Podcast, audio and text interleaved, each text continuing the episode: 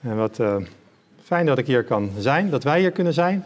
En een gezegende Sabbat allemaal. Um, de overdenking van uh, vandaag, zoals jullie kunnen zien, heb ik genoemd de laatste dagen.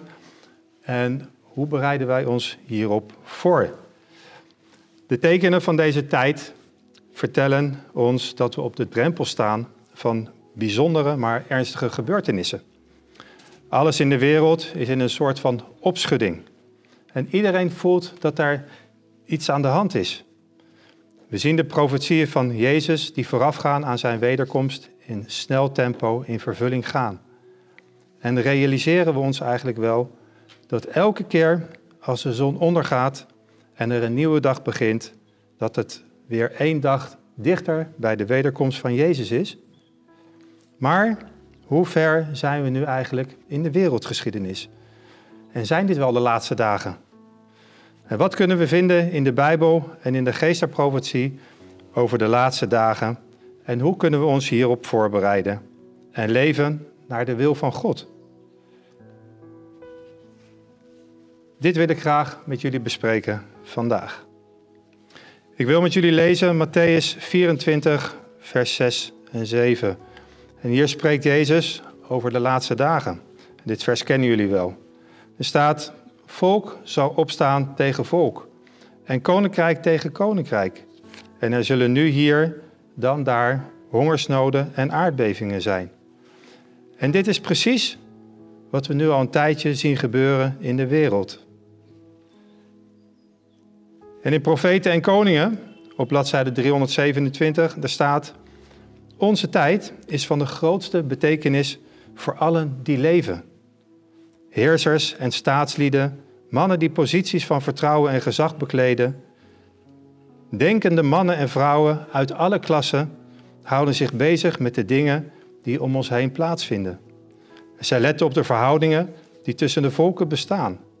En ze zien de intensiteit die bezit neemt van alle aardse elementen. En ze erkennen dat er iets groots en beslissends staat te gebeuren. En dat de wereld zich bevindt aan de rand van een enorme crisis. Maar hoe kan dat? En waarom moet dit nou allemaal gebeuren? Ligt het aan klimaatverandering? Is het omdat we gestraft moeten worden? Of een oordeel? Veel mensen denken dat. Of omdat God het leuk vindt om dit te doen? Of ligt het toch aan iets anders? En het antwoord kunnen we onder andere lezen in Jesaja 24, vers 5 en 6, het eerste gedeelte. En er staat, want het land is ontheiligd door zijn inwoners. Zij overtreden de wetten. Zij veranderen elke verordening. Zij verbreken het eeuwige verbond. En daarom verteert de vervloeking het land en moeten zijn inwoners boeten. Het ligt, hoe het hier staat, aan de keuzes die de mens zelf maakt. De mensen keren zich af van God en ze willen liever doen wat ze zelf leuk vinden. Ze zijn opstandig en keren zich af van zijn wetten en daarom gebeurt dit. Dit was vlak voor de zondvloed zo. En ook al snel na de zondvloed was het ook zo. Heden ten dagen kunnen we dat zien, is het ook zo. En in de toekomst zal het niet veel anders zijn en misschien zelfs wel nog veel erger. Hebben wij, broeders en zusters, hoe wij hier zitten, onze keuze gemaakt? En zijn wij klaar voor de tijd die gaat komen? Ik hoor wel eens van mensen dat ze erover dromen of dat ze zeggen: Ik ben blij dat het nog niet zo ver is. We bevinden ons in spannende tijden. En als de genadetijd, tevens de tijd van oordeel, die is begonnen in 1844, zoals we geloven, als het straks voorbij is, moeten we er klaar voor staan. Onberispelijk en onbevlekt. Zijn we daar klaar voor? En anders, hoe doen we dat? Hoe zorgen we ervoor dat we daar klaar voor zijn? Hoe ver zijn we in de wereldgeschiedenis? Zijn dit de laatste dagen? En hoe moeten we leven in de laatste dagen? En naar aanleiding van deze vragen wil ik het thema voor deze ochtend geven. Hoe dienen we te leven in de laatste dagen? En ik wil straks in de tweede helft van deze lezing een zeven aantal of een zevental punten aanhalen hoe we dienen te leven in het slotstuk van deze wereldgeschiedenis. Ik wil nu eerst wat teksten uit de Bijbel en de geest profetie aanhalen om te kijken wat deze ons vertellen en wat de status is van deze wereld. Of liever van de mensen die erop leven. In het Bijbels gezin, op bladzijde 270, staat het volgende. In deze decadente, decadente tijd zijn er veel mensen die zo verblind zijn voor het zondige van de zonde, dat zij, geen, dat zij een losbandig leven kiezen omdat het bij de natuurlijke en verdorven neigingen van hun hart past. In plaats van zich aan de wet van God te spiegelen en hun hart en karakter aan Gods maatstaven te toetsen, laten ze maatstaven van Satan in hun hart leggen. Ze gaan de Bijbel verkeerd uitleggen om steun te vinden voor hun ongerechtigheid, in plaats van hun verdorven, verdorvenheid of zonde op te geven. Hun aantal zal toenemen naarmate we het einde van de tijd naderen. De wereld, mensen, wordt steeds wettelozer. En zeer spoedig zal er helaas grote onrust ontstaan onder de volken. Onrust die niet zal verdwijnen totdat Jezus komt. En hoe ontwikkelen zich nu de gebeurtenissen in de wereld? In een citaat wil ik het volgende aanhalen uit Getuigenissen voor de gemeente, deel 9, op bladzijde 17 staat het volgende. De rampen op land en zee, de onstabiele staat van de maatschappij en de geruchten van oorlogen zijn onheilspellend. Zij voorspellen naderende gebeurtenissen van grote omvang. De vertegenwoordigers van het kwaad, die bundelen hun krachten en sluiten zich aaneen. Ze spannen hun krachten samen voor de laatste grote crisis. Grote veranderingen staan, gaan spoedig plaatsvinden in deze wereld. En de laatste ontwikkelingen zullen tevens snel achter elkaar plaatsvinden. Er zijn nu in de wereld veel ontwikkelingen en gebeurtenissen die zich al heel snel achter elkaar opvolgen. En soms vergeten we dat ook weer een beetje. Voor ons als Adventisten wordt het steeds duidelijker hoe de profetieën uit de Bijbel zich ontvouwen. En voor de meesten is dat ook een blijde boodschap, omdat we steeds dichter bij de tweede wederkomst van Jezus zijn. En dan zou alle ellende achter de rug zijn. Voor de ander is dat meer verontrustend of beangstigend, omdat het ook best hele heftige dingen zijn die er gaande zijn of nog staan te gebeuren.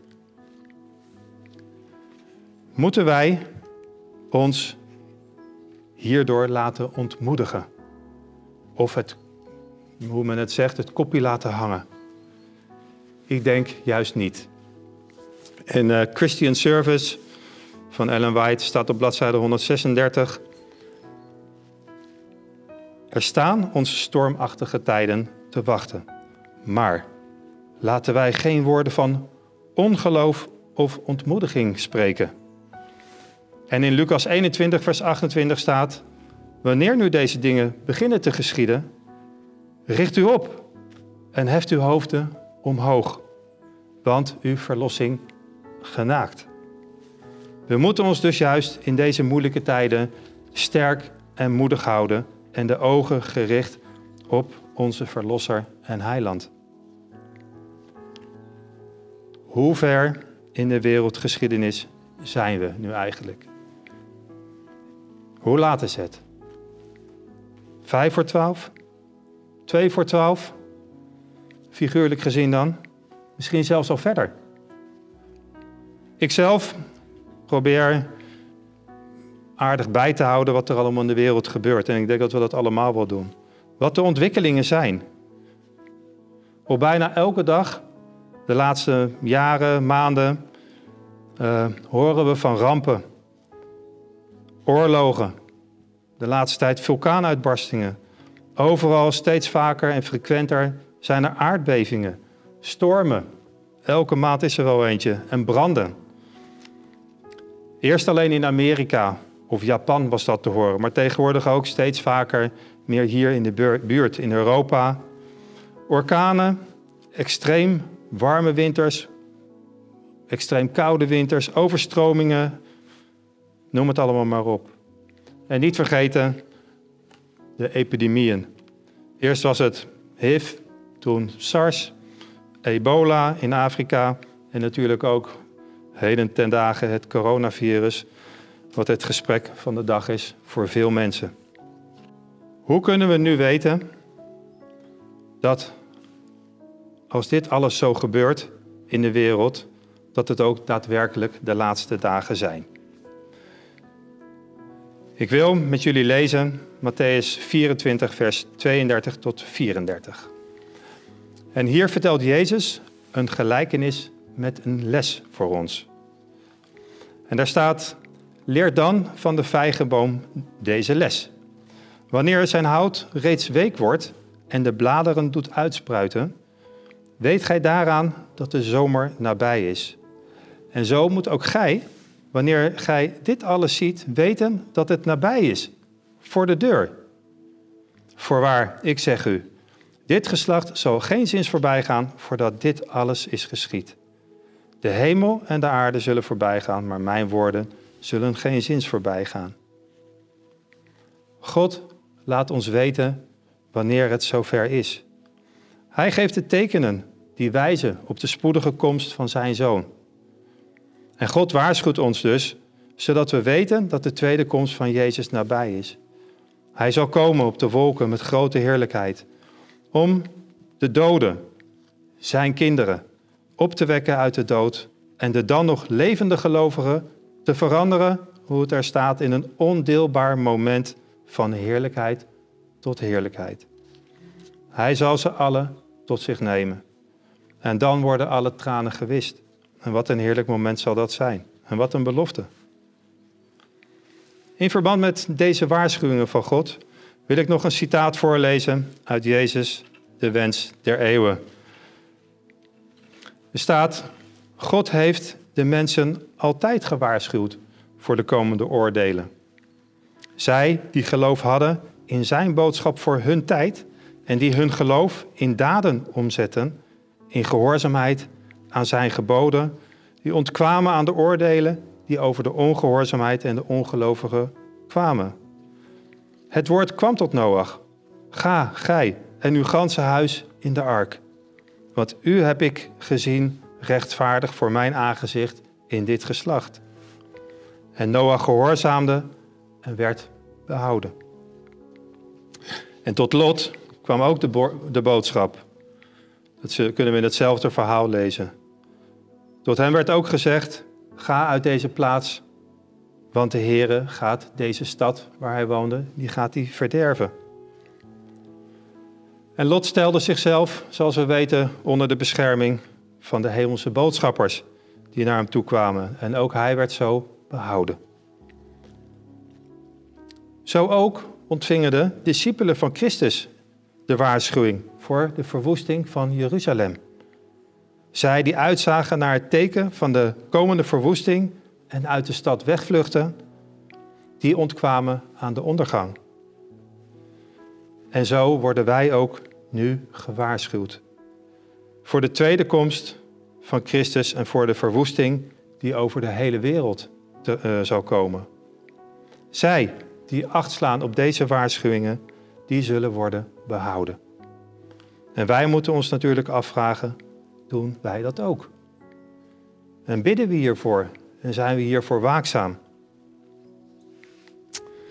Ja, de laatste dagen. Waar in de Bijbel kunnen we lezen over de laatste dagen of wat daar betrekking op heeft? Ik wil met jullie een aantal teksten aanhalen waar we, over we, waar we hierover kunnen lezen. In de eerste plaats is dat 2 Timotheus 3, vers 1. En daar staat in mijn Bijbel boven de ontaarding in de laatste dagen. In de tekst staat: En weet dat in de laatste dagen zware tijden zullen aanbreken. Want de mensen zullen zijn liefhebbers van zichzelf. En ze zullen zijn hoogmoedig. En in de Bijbel staat hier niet allemaal, volgt er nog een hele lijst met lelijke en slechte dingen. En onder andere ook nog zonder liefde voor het goede. Dat betekent dat ze wel liefde hebben voor het kwade. Als je aan een willekeurig iemand nu op straat vraagt of er een einde komt aan deze wereld, zal nagenoeg iedereen zeggen dat het ergens ophoudt. Ze merken het aan de mentaliteit en de reacties van de mensen om hen heen.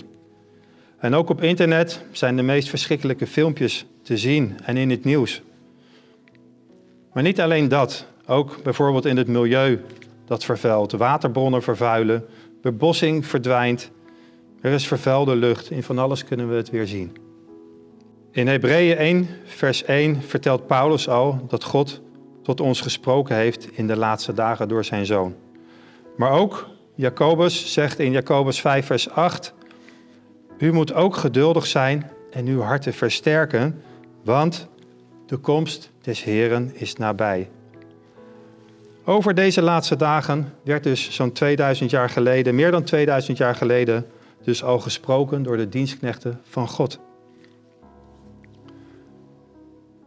Waarom zeiden de apostelen dit alles toen al? Het is, soort van rekening, toch al meer dan 2000 jaar geleden. Zij dachten namelijk toen al dat de komst van Jezus voor de deur stond. En dat klopt ook wel, want Jezus was gekomen. Het geestelijke koninkrijk was nabij. En er veranderde ook heel veel toen Jezus er was. En Jezus zelf bracht ook het evangelie. Het koninkrijk Gods is nabij, predikte hij. En Johannes, die daar even daarvoor was, die predikte dat ook al. Maar dit geestelijke koninkrijk is iets anders dan het fysieke koninkrijk. Als de bazuinen klinken en als de engelen meekomen op de wolken om de kinderen Gods te halen. Dachten de discipelen toen der tijd dat het einde nabij was? Ik denk het wel. Ik wil met jullie lezen 1 Petrus 4, vers 7. En Petrus zegt, en het einde van alle dingen is nabij. Wees daarom bezonnen en nuchter in de gebeden. Het was in hun ogen, in het licht wat zij hadden, was het ook een compleet beeld. Jezus had namelijk zijn offer gebracht en God had al het mogelijke gedaan om de mensen te redden. Het einde der tijden is nabij, dat dachten ze. In Johannes, 1 Johannes 2 vers 18, daar staat, daar zegt Johannes, kinderen, het is het laatste uur. En zoals u gehoord hebt dat de antichrist aankomt, zijn er ook nu veel antichristenen gekomen, waaruit wij weten dat het het laatste uur is. Dat was dus toen al zo. Hoeveel te meer zal dat zijn in deze tijd?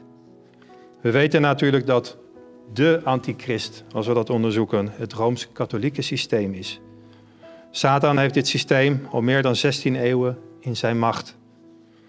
Maar overal ter wereld zijn antichristussen. Dat was toen, maar nu nog veel meer. Mensen zeggen zelfs nu dat ze Jezus zijn. En er zijn mensen die hebben miljoenen volgers. Die, die zeggen dat ze Jezus volgen. Maar we weten dat het nog niet zo ver is. Ja, in de Bijbel wordt veel gesproken dus over de laatste uren. Het einde der tijden, het, uh, de laatste dagen. Maar hadden deze mannen gelijk? We moeten eigenlijk aan God vragen hoe hij erover denkt. Het is natuurlijk moeilijk, maar we hebben de Bijbel. En God zegt in 2 Petrus 3, vers 8: Maar laat vooral dit u niet ontgaan, geliefde, dat, en zo is hoe God leeft en hoe God denkt, dat één dag bij de Here is als duizend jaar en duizend jaar als één dag. En deze aarde, bestaat zo'n 6000 jaar, misschien een beetje langer. En als je vandaag precies 2000 jaar teruggaat, liep Jezus hier op aarde. In de bloei van zijn leven, in zijn jeugd. En voor ons, voor ons is dat misschien een hele tijd geleden.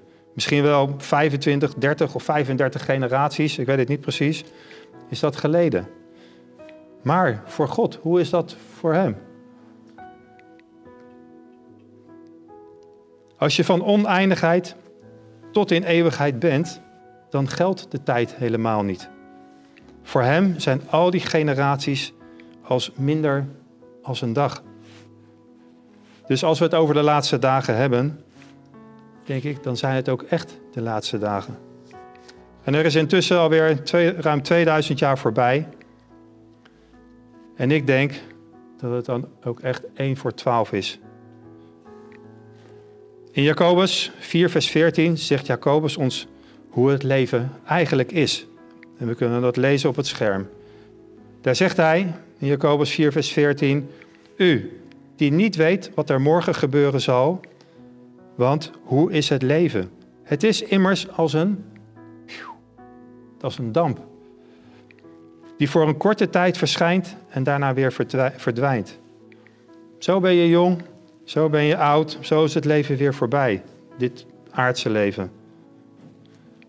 De Bijbel zegt, het is als een damp.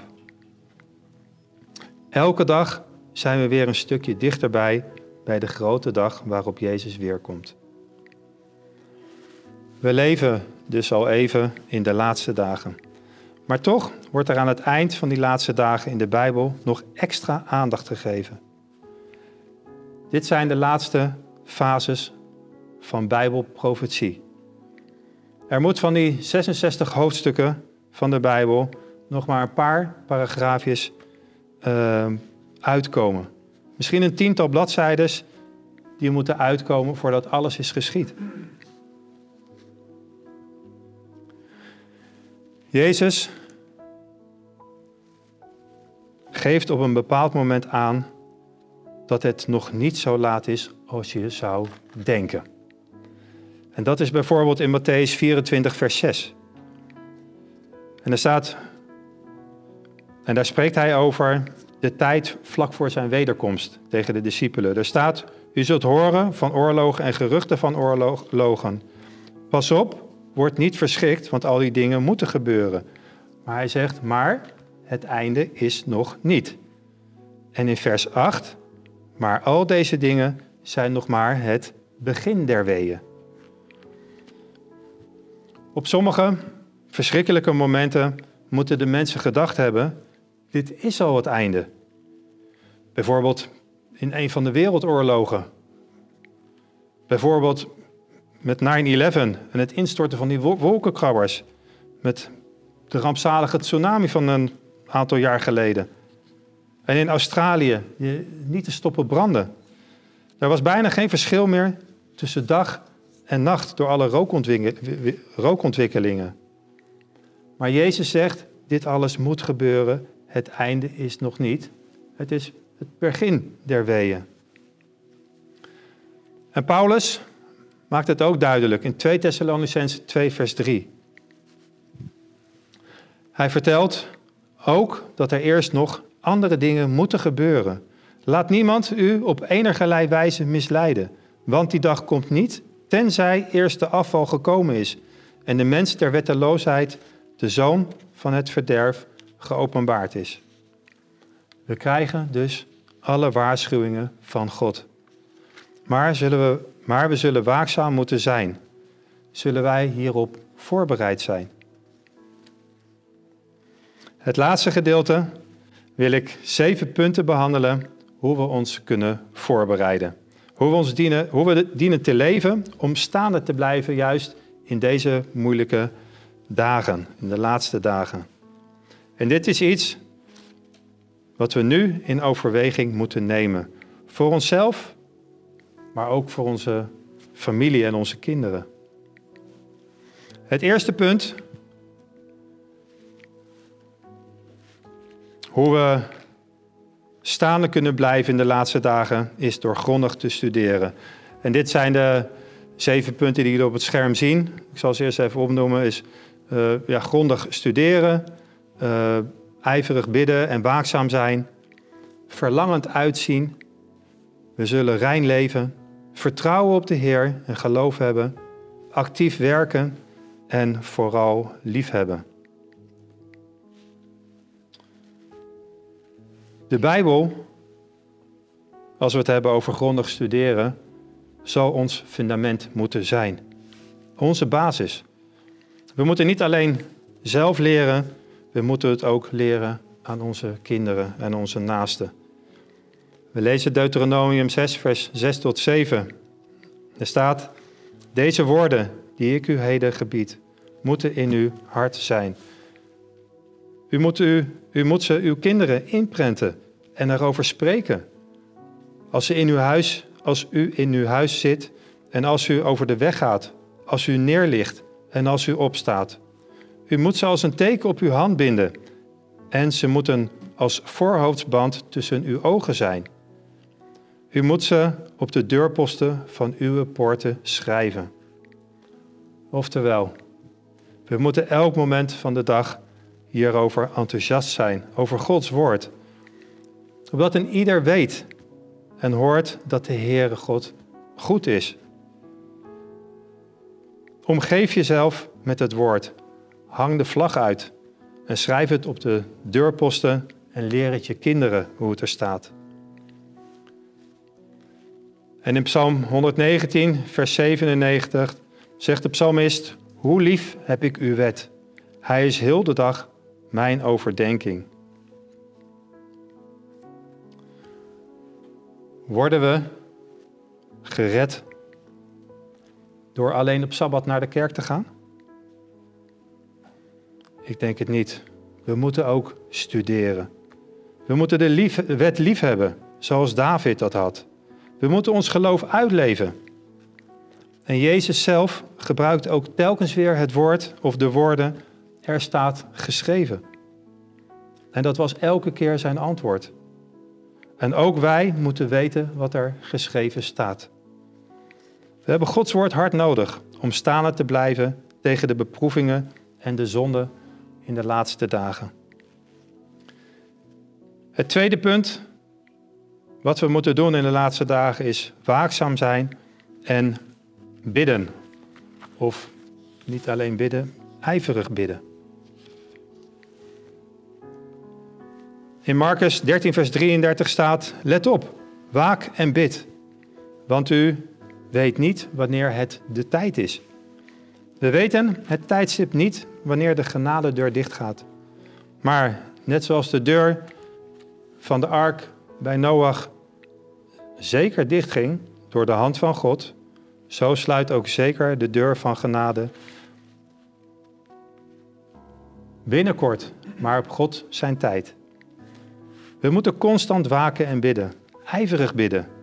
Niet één keer of twee keer, nee, zes keer, zeven keer. Net als Elia toen hij het antwoord van God kreeg. Het derde punt wat ik had was verlangend uitzien. Dit is het, een punt om toe te passen in ons leven. We zullen in blijde verwachting zijn. In blijde verwachting zijn van vooral de tweede wederkomst van Jezus. Een geloof zonder dat verlangen naar Jezus en zijn wederkomst, dat is denk ik geen waar geloof. Ik wil een tweetal citaten van Paulus aanhalen over het uitzien naar Jezus. In Filippenzen 3, vers 20 zegt hij: Ons burgerschap is echter in de hemelen, van waaruit wij ook de zaligmaker mogen verwachten, namelijk onze Heere Jezus Christus. En Titus, daar zegt hij in Titus 2, vers 13: Terwijl wij verwachten de zalige hoop en verschijning van de heerlijkheid van de grote God en zaligmaker Jezus Christus.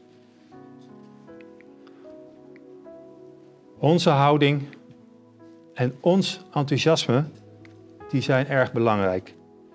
Deze kunnen aanstekelijk zijn voor anderen als we praten over onze Verlosser en Zaligmaker. Toen ik zelf tegen mijn manager vertelde dat ik minder wilde gaan werken om meer tijd aan God te besteden, vertelde ik dat op een manier, mijn enthousiasme. En ik vertelde uh, wat mij in mijn leven bewoog om dit te doen. En hij zag dat enthousiasme in mijn ogen.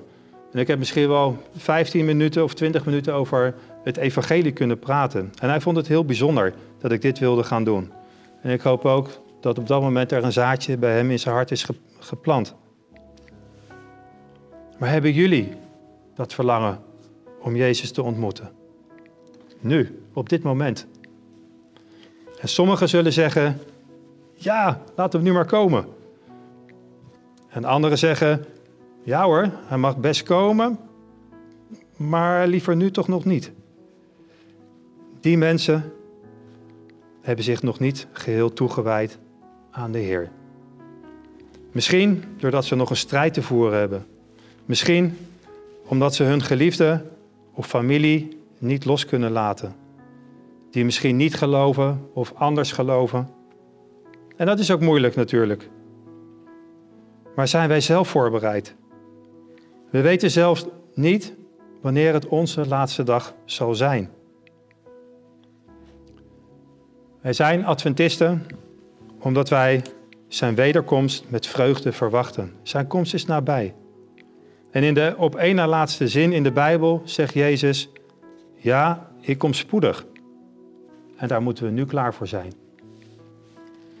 Punt 4 is rein leven.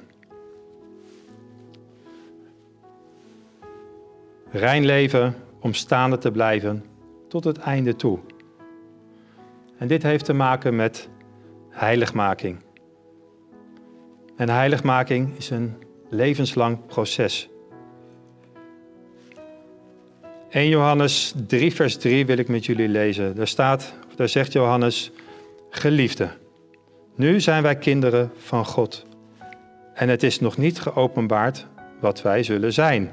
Maar wij weten dat als Hij, Jezus, geopenbaard zal worden, wij Hem gelijk zullen zijn.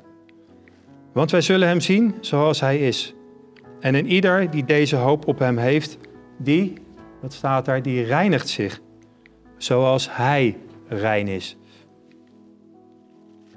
En ons doel is om Zijn heiligheid en Zijn reinheid te reflecteren en te weerspiegelen. Het karakter van Jezus te weerspiegelen. En in Hebreeën 12, vers 14, daar staat: Jaag de vrede na met allen en de heiliging zonder welke niemand de Heere zal zien. Wat betekent dat? Wees heilig en rein. In de eerste plaats, bid ervoor dat God je hierin mag leiden. De Heilige Geest zal het je leren, maar bid hiervoor gericht. En David zegt in Psalm 101, vers 3: Ik zal mij geen verdorven praktijken voor ogen stellen. Of het nu is via je computer, of het nu is via de tv of je mobieltje. Het is niet goed om onreine dingen te horen of te zien of naar geweld te kijken. En Job zegt: Ik heb een verbond gesloten met mijn ogen. Hoe kan ik dan begeerig naar een jonge vrouw kijken?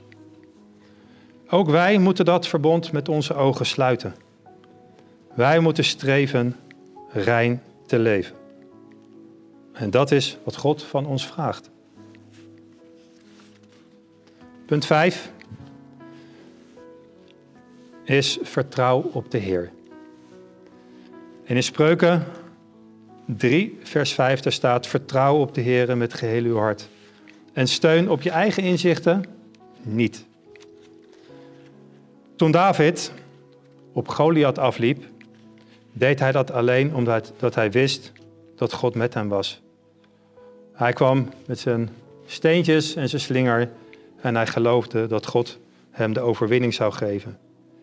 En zo hebben we veel voorbeelden uit de Bijbel van mensen die vertrouwden op de Heer. Als jij een beslissing te maken hebt, ga dan in geloof tot God. En Hij zal voor je strijden. En steun niet op eigen inzichten. Door de kracht van God, dus in geloof, kunnen we, staan, kunnen we staande blijven. En zo kunnen we zijn getuigen zijn in een, en een licht in deze donkere wereld. En 1 Petrus 5, vers 7 zegt nog: Werp al uw zorgen op Hem, want Hij zorgt voor u. Punt 6 is werk actief.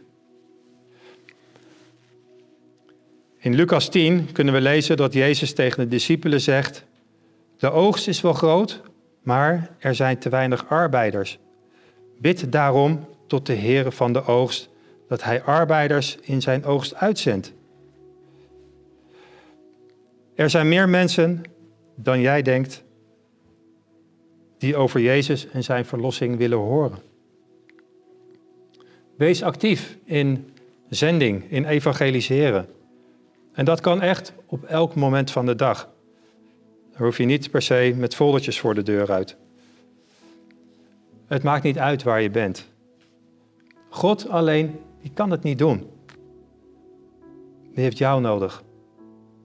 En als wij niets doen, dan gebeurt er ook niets.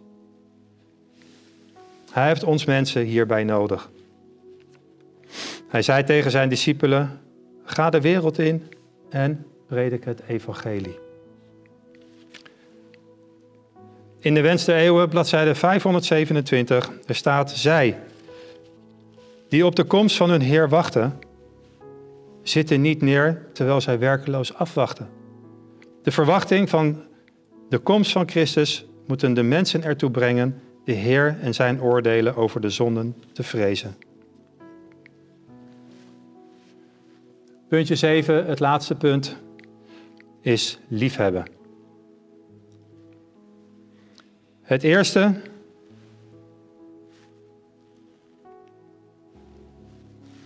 Het eerste en het grote gebod staat in Matthäus 22, vers 37. U zult de Heere uw God liefhebben met geheel uw hart, geheel uw ziel en met geheel uw verstand. En in Colossense 3, vers 14 staat: En kleed u zich boven alles met de liefde die de band van de volmaaktheid is. Wij laten zien dat we van God houden als we honderd keer tegen Hem zeggen dat we van Hem houden. Nee. Nou ja, ook natuurlijk. Maar we moeten vooral, vooral elkaar liefhebben. En Petrus zegt.